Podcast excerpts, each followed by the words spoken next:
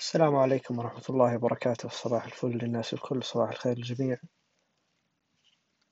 اليوم بإذن الله سأتكلم عن مباراة ليفربول وأياكس أمستردام غدا الثلاثاء في دوري الأبطال.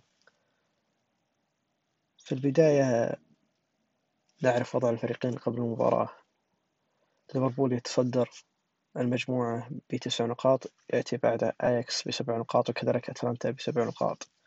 فأياكس أمستردام يبحث عن عدم الخسارة اليوم ليبقي حظوظه في التأهل لأن المباراة الأخيرة ستكون بين أياكس وأتلانتا في أمستردام. أما ليفربول فيكفيه ثلاث نقاط من مباراة مباراة اليوم أو المباراة الأخيرة ضد الفريق الدنماركي للتأهل. أياكس أمستردام يتصدر الدوري الهولندي من عشر جولات فاز بتسع مباريات وخسارة. أما ليفربول كما يعلم الكل تأثير الإصابات على الفريق أرهقت الفريق كثيرا. فليفربول في آخر أربع مباريات فاز مباراة واحدة وتعادلين وخسارة من أتلانتا الأسبوع الماضي في دوري الأبطال. نتكلم عن المباراة بشكل فني نوعا ما. أثناء القرعة وبعد القرعة دوري الأبطال كنت سعيد جدا بوقوع أو اجتماع ثلاث فرق هجومية ثلاث فرق مبادرة. ثلاث فرق ممتعة للمشاهدة مع مدربين كبار كجاسبريني وتنهاج كلوب. كنت أتوقع أن تكون هذه المجموعة أو تكون مباريات بين هذه الفرق من أمتع المباريات بين أياكس ليفربول أتلانتا. لكن كما يعلم الكل وكما هو حاصل هذا العام كورونا وتغيير جدولة المباريات والإصابات وعدم وجود موسم صيفي وتحضيرات صيفية أدت إلى أن يكون وعدم وجود جماهير كذلك أدى ليكون المستوى أقل من المتوقع خصوصا في ليفربول مع الإصابات الحاصل الحاصلة في ليفربول. كنت سعيد جدا بوقوع هذا الثلاثي في نفس المجموعة. صحيح سنخسر أحدهم أو سيخسر أحدهم التأهل لكن كنت أتوقع أن نرى كرة قدم حقيقية كرة قدم مبنية على مبادرة كرة قدم مبنية على فرجة مبنية على متعة. لكن الحمد لله على كل حال لم يحصل ذلك إلى الآن ولو أن في بعض اللقطات مباراة ليفربول وأياكس أتلانتا أتلانتا أياكس المباراة بينهم يعني كانت فيها لقطات جيدة. تين هاج هذا المدرب العظيم العبقري اللي ما أخذ حقه من المدح. طبعا وجوده في الدوري الهولندي دوري غير متابع على الأقل في الوسط العربي أو في مجال التواصل الاجتماعي العربي ولا كان يستحق أكثر خصوصا مع وصوله نصف نهائي الأبطال في 2019 مع أياكس. ما قام به تنهاج أو الشيء الذي يميز تنهاج ليس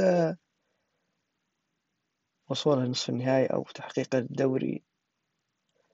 الجميل في تنهاج ما ما أضاف أسلوبه في الهجوم أو الأسلوب الهجوم في كرة القدم.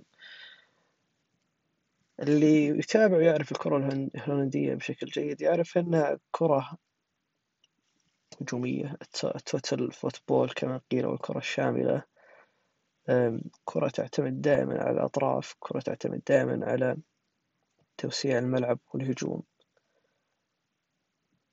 إريك تن هاج أو الأجنحة أقصد. إريك تن هاج قام بتغيير عكس إرث الكرة الهولندية أو فعل عكس ما يقوم به كرويف ومن بعده تلميذه بيب جوارديولا اللي يقولون اجعل الملعب أكبر بتواجد لاعب على الطرف أي لاعب جناح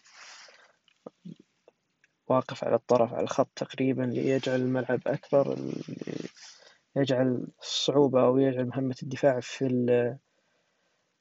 اللي يجعل مهمة الفريق الخاصة في الدفاع صعبة لأنه يدافع في منطقة أكبر. تنهاج بأسلوب جميل بإضافة رائعة طلب من أجنحته كذلك مع بأسلوبه بالرسم الأربعة اثنين ثلاثة واحد طلب من الأجنحة ولاعب رقم عشرة وكذلك المهاجم أن يكونوا يتموقعون في مسافة قصيرة بجانب بعضهم في العمق الدفاعي.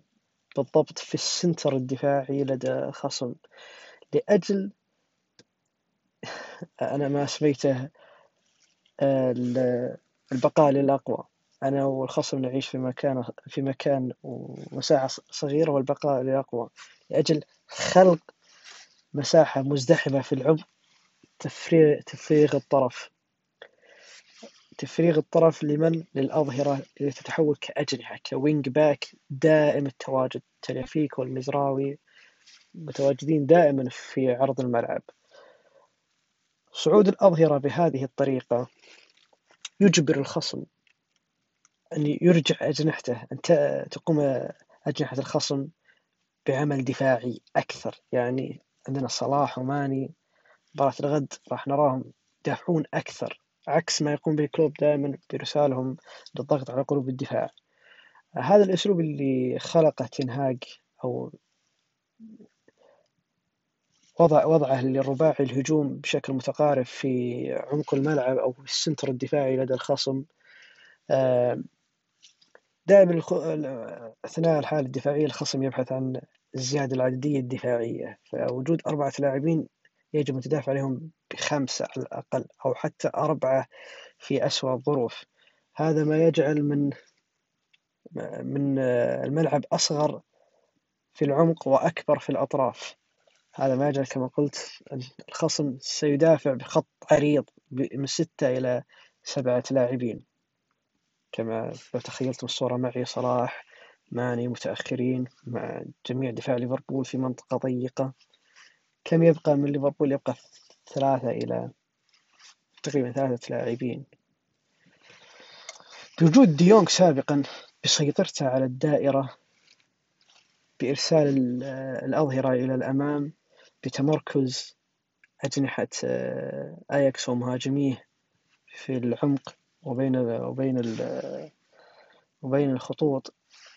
رأينا أسلوب كرة شاملة بطريقة مختلفة. أسلوب كرة شاملة لا يعتمد على المركزية بل يعتمد على لا يعتمد على المركزية بيب جوارديولا التي فعلها اللعب التمركزي بل يعتمد على هجوم شامل أكثر أو واسع أكثر. يعتمد تقريبا على البناء من الخلف بشكل جيد بل يعتمد على إجبار الخصم أو مبدأ إجبار الخصم في العودة والمراقبة لأجنحة لأظهرة للأظهرة الصاعدة وللأجنحة المتكتلة أو متمركزة في العمق. فمهمة أي خصم ضد تينهاج راح تكون صعبة لأن تينهاج عكس كما قلت الشيء الطبيعي الشيء الطبيعي في الكرة الهندية وما يفعله بيب جوارديولا ويوهان كرويف. وضع لاعبين على الأجنحة أو لاعبين أجنحة على الطرف. هو طلب منهم يتحولون إلى مهاجمين فأصبحوا يهاجمون بأربعة. فأياكس فريق جميل للمشاهدة فريق مبادر فريق يضغط بشكل رائع. يضغط بشكل تقريبا واحد على واحد في حالة متحولة فقط إذا الكرة اتجهت للطرف. فنرى شجاعة هجومية أو شجاعة في الضغط. نرى تليفيكو والمزراوي يضغط إلى أن يصل إلى ظهير الخصم. يتخطى يتخطى الحدود المسموحة له على الأقل أو يتخطى منطقته ويصعد بشكل واضح وكبير إلى أن يغطي بالأمام. يراقبون بشكل جيد واحد على واحد مع تأمين تقريبا من لاعب ارتكاز للدائرة. هذا ما يجعل من مهمة ليفربول في الغد الفريق المرهق بالأساس. ليفربول لا نفس ما قلت في التسجيل الماضي. أو كما يعرف الكل الفريق حتى الآن كلوب أظن كلوب قالها قال ما دامنا نستطيع يعني دام نستطيع اختيار 11 لاعب فسوف نقاتل. هذا يدل على صعوبة اختيار مشاكل ليفربول في الإصابات بل مشاكل ليفربول في الخيارات وليست في الإصابات. فليفربول في كل خيار يقوم به هناك خيار عكسي عليه أو ضرر عكسي عليه. فوجود فابينهو كقلب دفاع معوض لفان دايك أو لعبة مع أحد الشباب أو لعبة مع ماتيب المصاب آه، يرهق ليفربول أولا. بفقدان فابينهو أفضل لاعبي الوسط في ليفربول. فابينهو اللاعب العادي في التسليم والاستلام لا أقول سيء بل أقول عادي بل أفضل من هندرسون وفينهالدوم فحينما تفتقد لاعب مثل فابينهو ولا تستطيع تعويضه بجودته المتوسطة أو العادية في التسليم والاستلام ووضعه في الخلف ببطئه بدفاعك المتقدم أنت خسرت حاجتين الآن أنت خسرت الكرة أولا كذلك خسرت الدفاع المتقدم والضغط العالي. أقصد خسرت الكرة بوجود هندرسون أو فينالدوم في الوسط وكذلك خسرت تطبيق الدفاع المتقدم والدفاع العالي بوجود لاعب بطيء مثل فابينهو في قلب الدفاع. كذلك ليفربول الإصابة الأهم بالنسبة لليفربول إصابة ترينت ألكسندر أرنولد أفضل ظهير في العالم مفتاح لاعب كبير لليفربول. مفتاح يعتمد عليه ثلاثي الهجوم بشكل كبير بل يعتمد عليه حركية ليفربول بشكل كبير. إرساله الكرات تمريراته صعوده الدائم آه، شيء مهم ليفربول فليفربول آه، وصانع ألعاب مهم. فليفربول افتقد هذا اللاعب بشكل واضح أكثر من غيره. طبعا ليس كفان دايك لكن أتكلم أنه كان مفتاح لعب مهم جدا. تعويضه بمن بنيكو ويليامز الشاب آه، اللي باقي باقي جدا.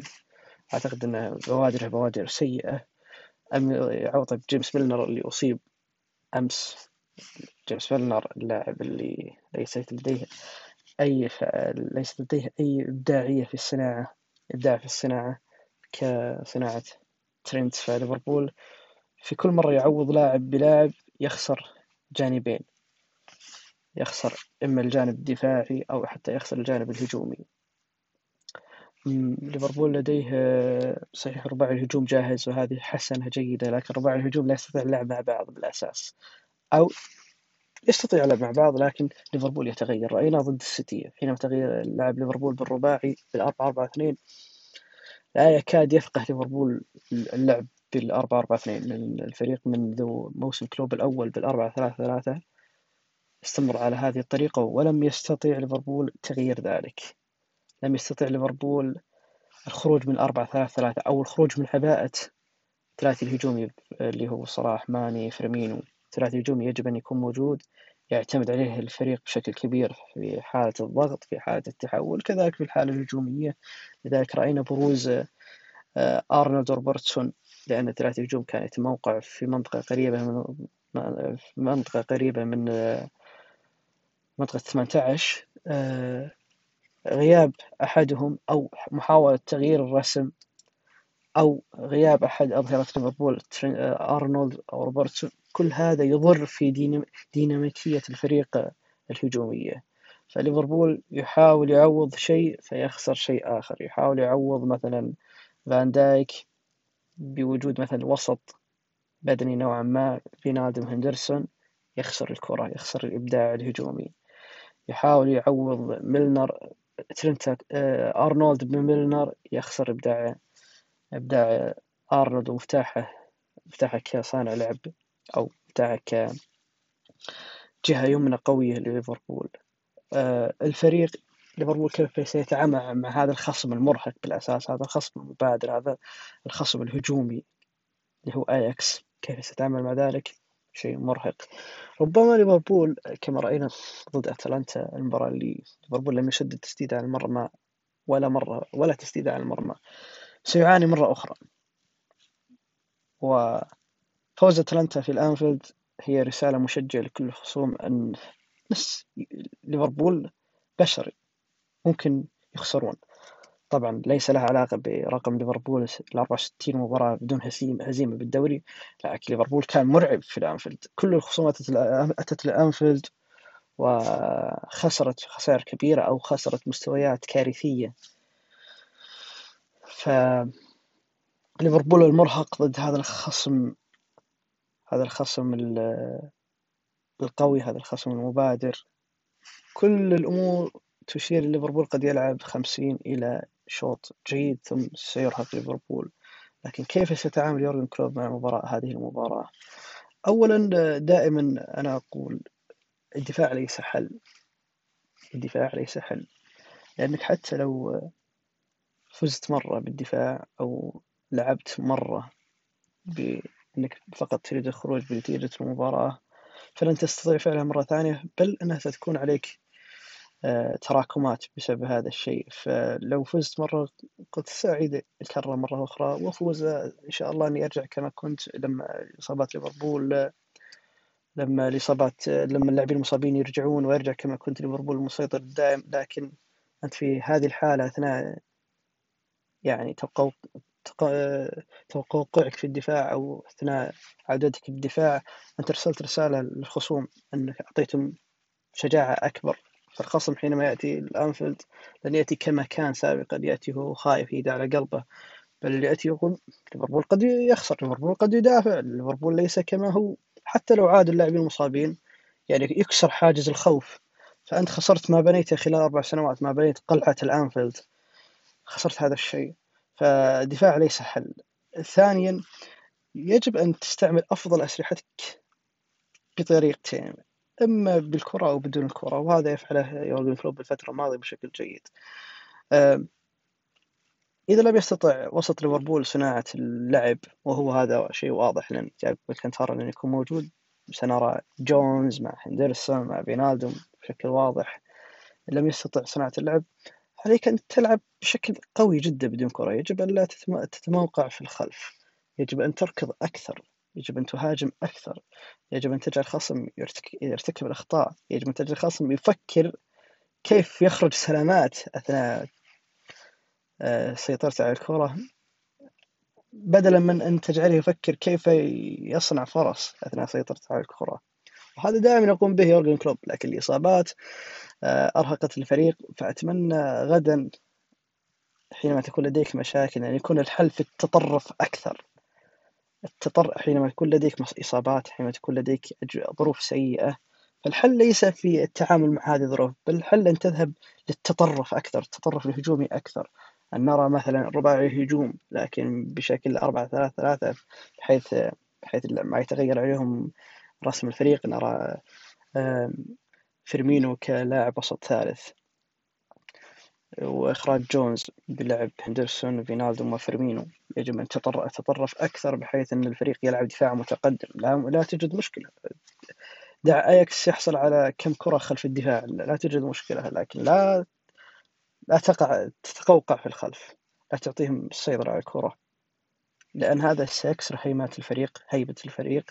ربما تخسر كما خسرت ضد أتلانتا. وهذا شيء متوقع ضد فريق بحالة جيدة مثل أياكس. ليس لديه غيابات.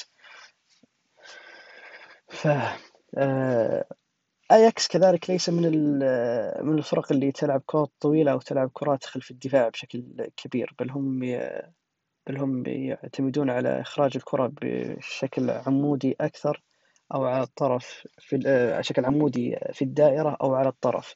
فالفريق لا يعتمد على التمريرات خلف الدفاع أو التمريرات البينية للهجوم بل يعتمد على تدوير الكرة بشكل أكثر وصناعة زيادة عددية في أحد الأطراف. للمهاجمة من هذا الطرف. لا أعتقد أن أياكس سيستهدف دفاع ليفربول الثقيل. فعلى يورجن كلوب أن يعرف أن أياكس سيأتي للأنفيلد متشجع. سيأتي أياكس يعرف ليفربول آه، لديه مشاكل كثيرة. فأتمنى أن يورجن كلوب يدخل أو يبني استراتيجية المباراة من هذا المدخل بحيث أن أياكس سيحاول أن يكون هو المبادر. فأنت في هذه الحالة حاول أن تكسر هذه الاستراتيجية وهذه خطة اللعب اللي بيبدأ فيها أياكس آه هذا اختصر المباراة. أتمنى أن أرى المباراة فيها المبادرة المبادرة دائما مثل كما هو متعود من تنهاج ويورجن كلوب. شكرا وإلى اللقاء.